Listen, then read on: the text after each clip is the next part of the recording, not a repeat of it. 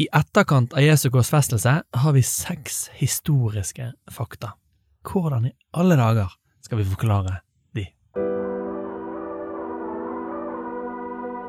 I denne podkastserien undersøker vi det Jørn Lier Horst har kalt historiens største cold case, nemlig Jesu oppstandelse. Serien består av ti episoder, og det er Tro og Medier og Damaris Norge som står for produksjonen. Sjekk ut oppstandelsen.no for flere ressurser om dette temaet.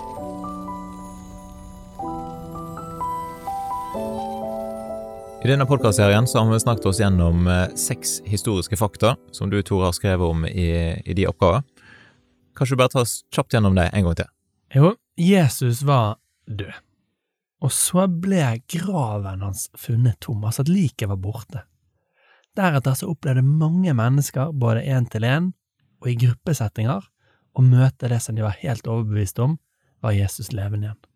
Blant annet forfølgeren Paulus, og så Jesu skeptiske lillebror Jakob. Og så at etterfølgerne de hadde ikke noen forventning om at han skulle stå opp igjen, men likevel så ble deres liv fullstendig forvandlet av overbevisningen om at han hadde stått opp igjen. Og Da er jo det store spørsmålet hva i all verden kan forklare dette her? Ja, og der er vi nå inne i den andre delen på en måte av etterforskningen. da. For nå har vi på en måte funnet bevismateriale, og nå skal vi sammenfatte det og konkludere hvordan kunne det skje. Og da har man jo det som er veldig vanlig, at det har en naturlig forklaring. Man har en annen mulighet at det ikke har en forklaring, at det er et mysterium. Eller kan det være mirakelforklaringen? At Jesus virkelig sto opp igjen fra de døde. Så det er på en måte de tre forklaringsmulighetene vi har. da. Altså det var en naturlig forklaring, man har ikke noen forklaring, eller en overnaturlig forklaring. Og i løpet av denne serien har vi jo egentlig underveis tatt for oss en del av disse naturlige forklaringene. Eh, Og det er jo sånn, Tor, at det er ikke alle de naturlige forklaringene som står like sterkt i dag. Nei.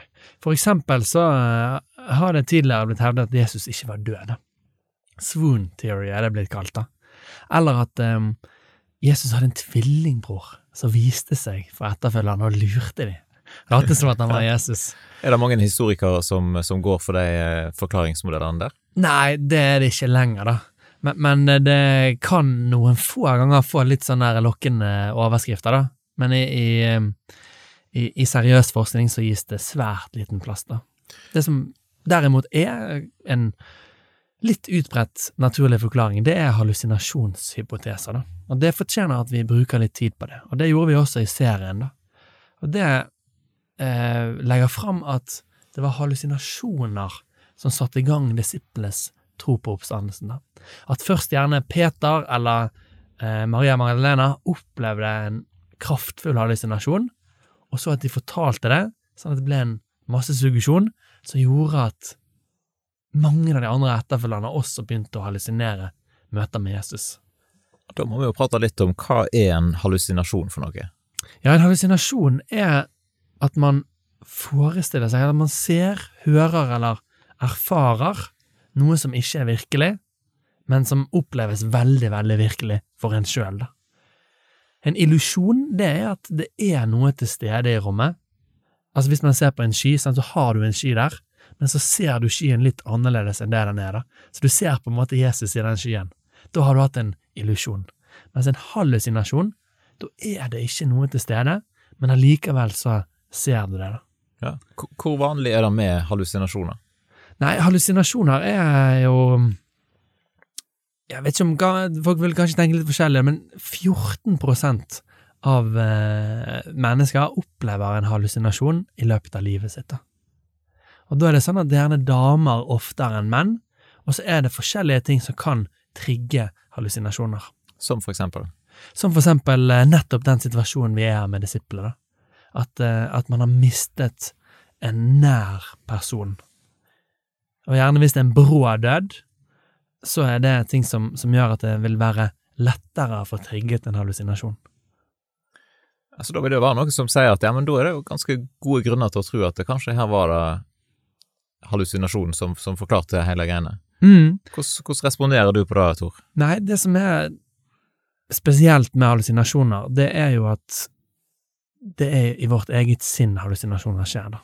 Så det er på en måte som, som en drøm, da. Og Derfor så er det ikke noe som noen andre kan ta del i, da.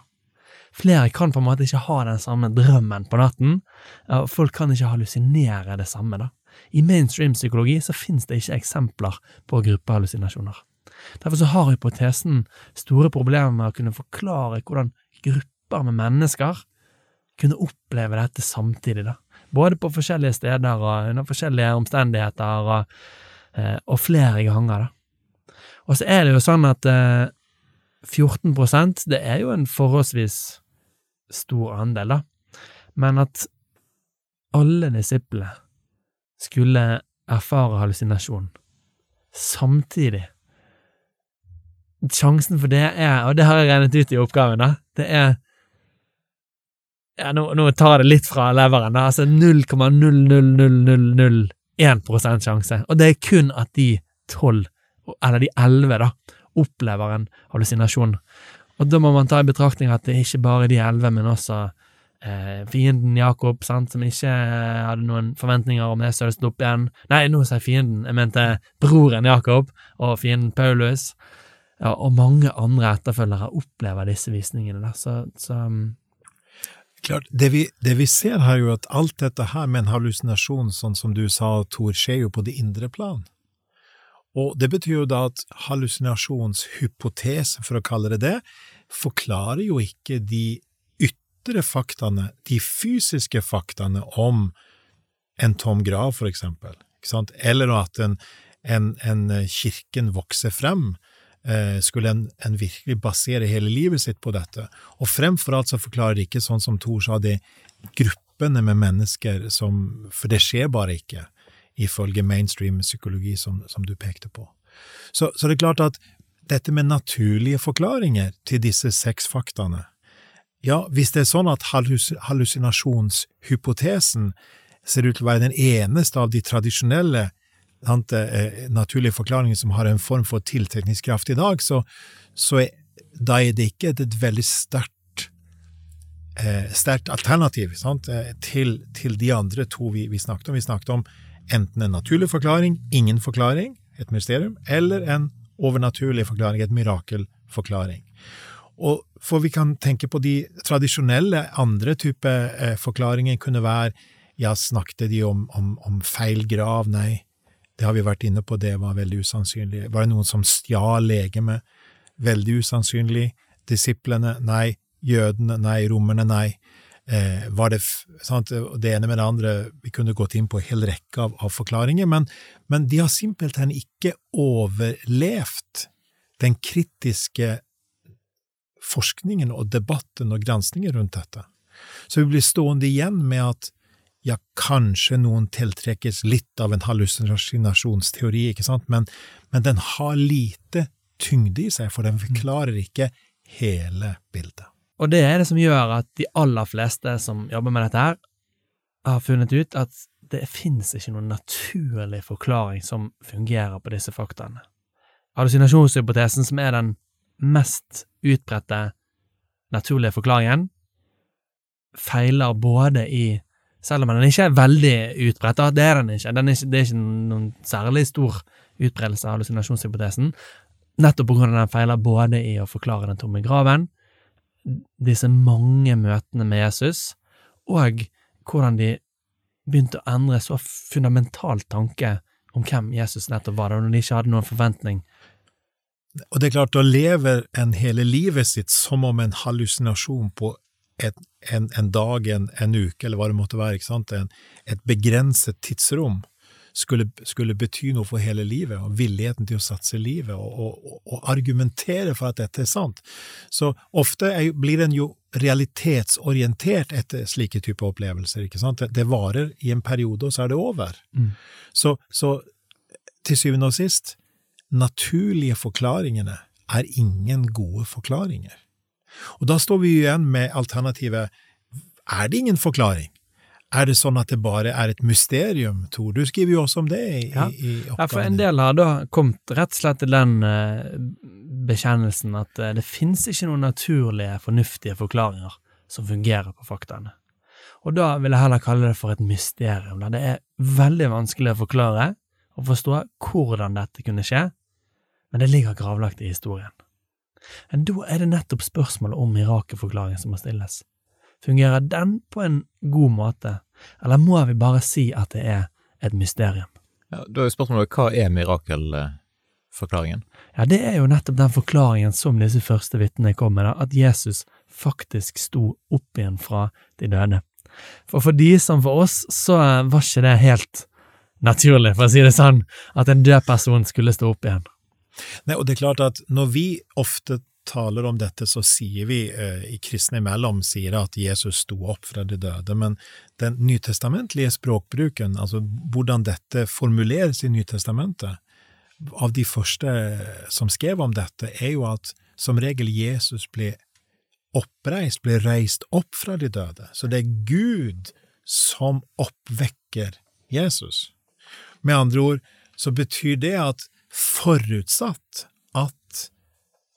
i det minste det er mulig at Gud eksisterer, så kan en ikke på forhånd utelukke at Gud, da mener vi altså skaperen av himmel og jord, ikke sant, det er det vi mener med Gud, at skaperen av himmel og jord kunne ha makt til å oppreise noen fra de døde, særlig hvis denne personen var en person som, hadde, som, som var fullstendig uskyldig. Det står noen formuleringer døden kunne ikke holde han. For hvis det ligger, hvis det ligger noe i det at døden er, har, har også med, med, med, synd og skyld å gjøre, ikke sant?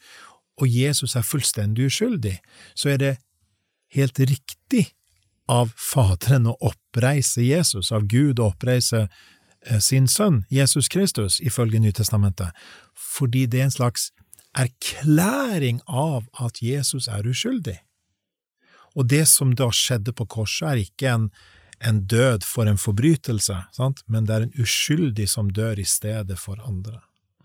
Så dermed blir det stående med at det er på en måte å stikke hodet i sanden og si at det ikke er noen forklaring.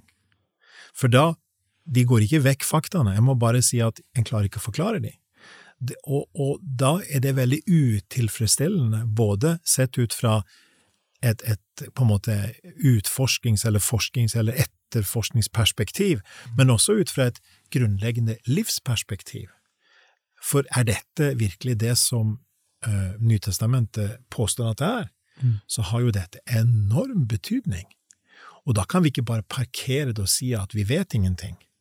For, bare for å legge til det, så klart at én ting er hva vi kan vite innenfor den tradisjonelle historie, det tradisjonelle historiefagets på en måte, skal vi si, grenser. Sant? Kanskje må vi si at ja, tradisjonelt så vil nok de fleste si at det å tenke og ha Gud som en, en person en kan forklare med i historiefaget, er ikke helt enkelt. I hvert fall vil nok de fleste si det.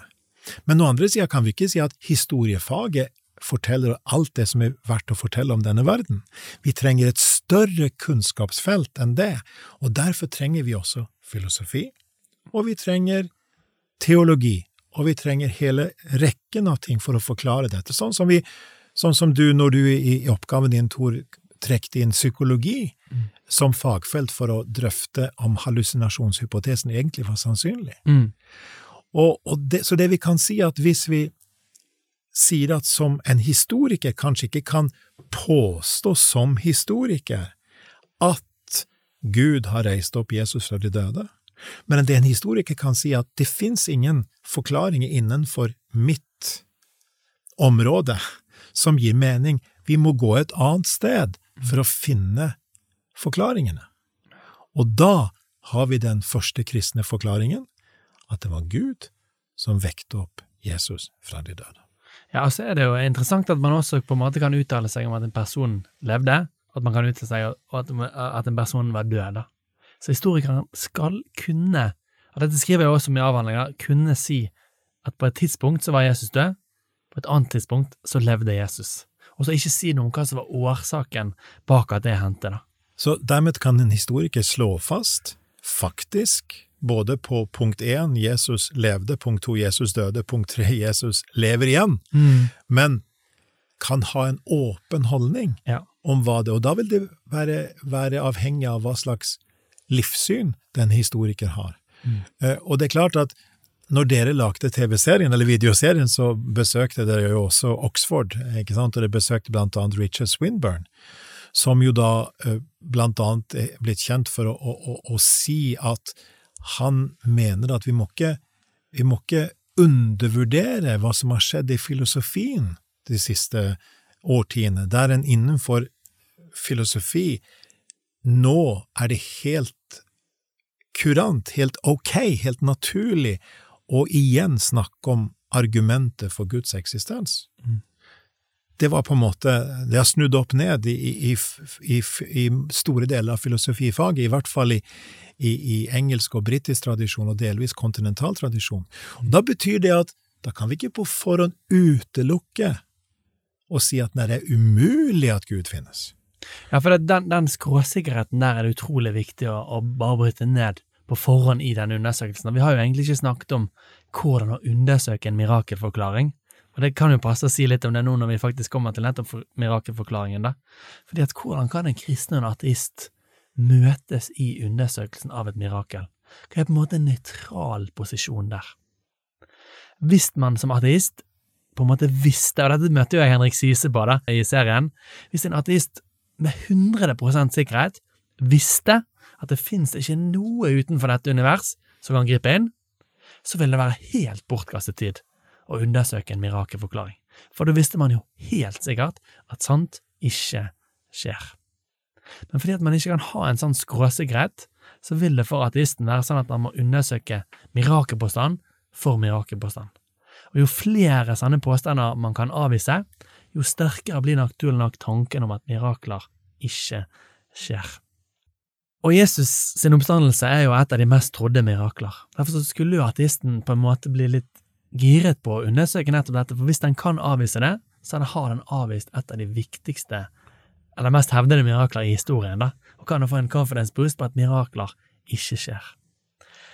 På samme måte må også den kristne gå fram. Man kan ikke være skråsikker på at mirakler skjer, men man må ha en sånn åpen holdning, da. Og der er det ateisten og den kristne møtes. Man må ha en undersøkende, granskende holdning på en mirakelpåstand. Og hva er det da som kan gjøre at et hevdet mirakel kan slås fast som et hendt mirakel? Jo, da sier Henrik Syse og andre som jeg har skrevet i masteravhandlingen min, at det må skje i en veldig spesiell religiøs kontekst, og det fins ikke noen naturlige forklaringer som fungerer godt, og mirakelforklaringen fungerer på en god måte, da. Og her med Jesus sitt liv, for det er veldig interessant hvis vi bare stopper nå, med et stort spørsmålstegn over hodet, vi har seks sterke fakta rundt verdenshistoriens mest innflytelsesrike person, der det ikke finnes noen naturlig forklaring som fungerer, og stopper vi bare der, så går vi som lyttere, vi som er her, med et veldig, veldig stort mysterium over våre liv, da.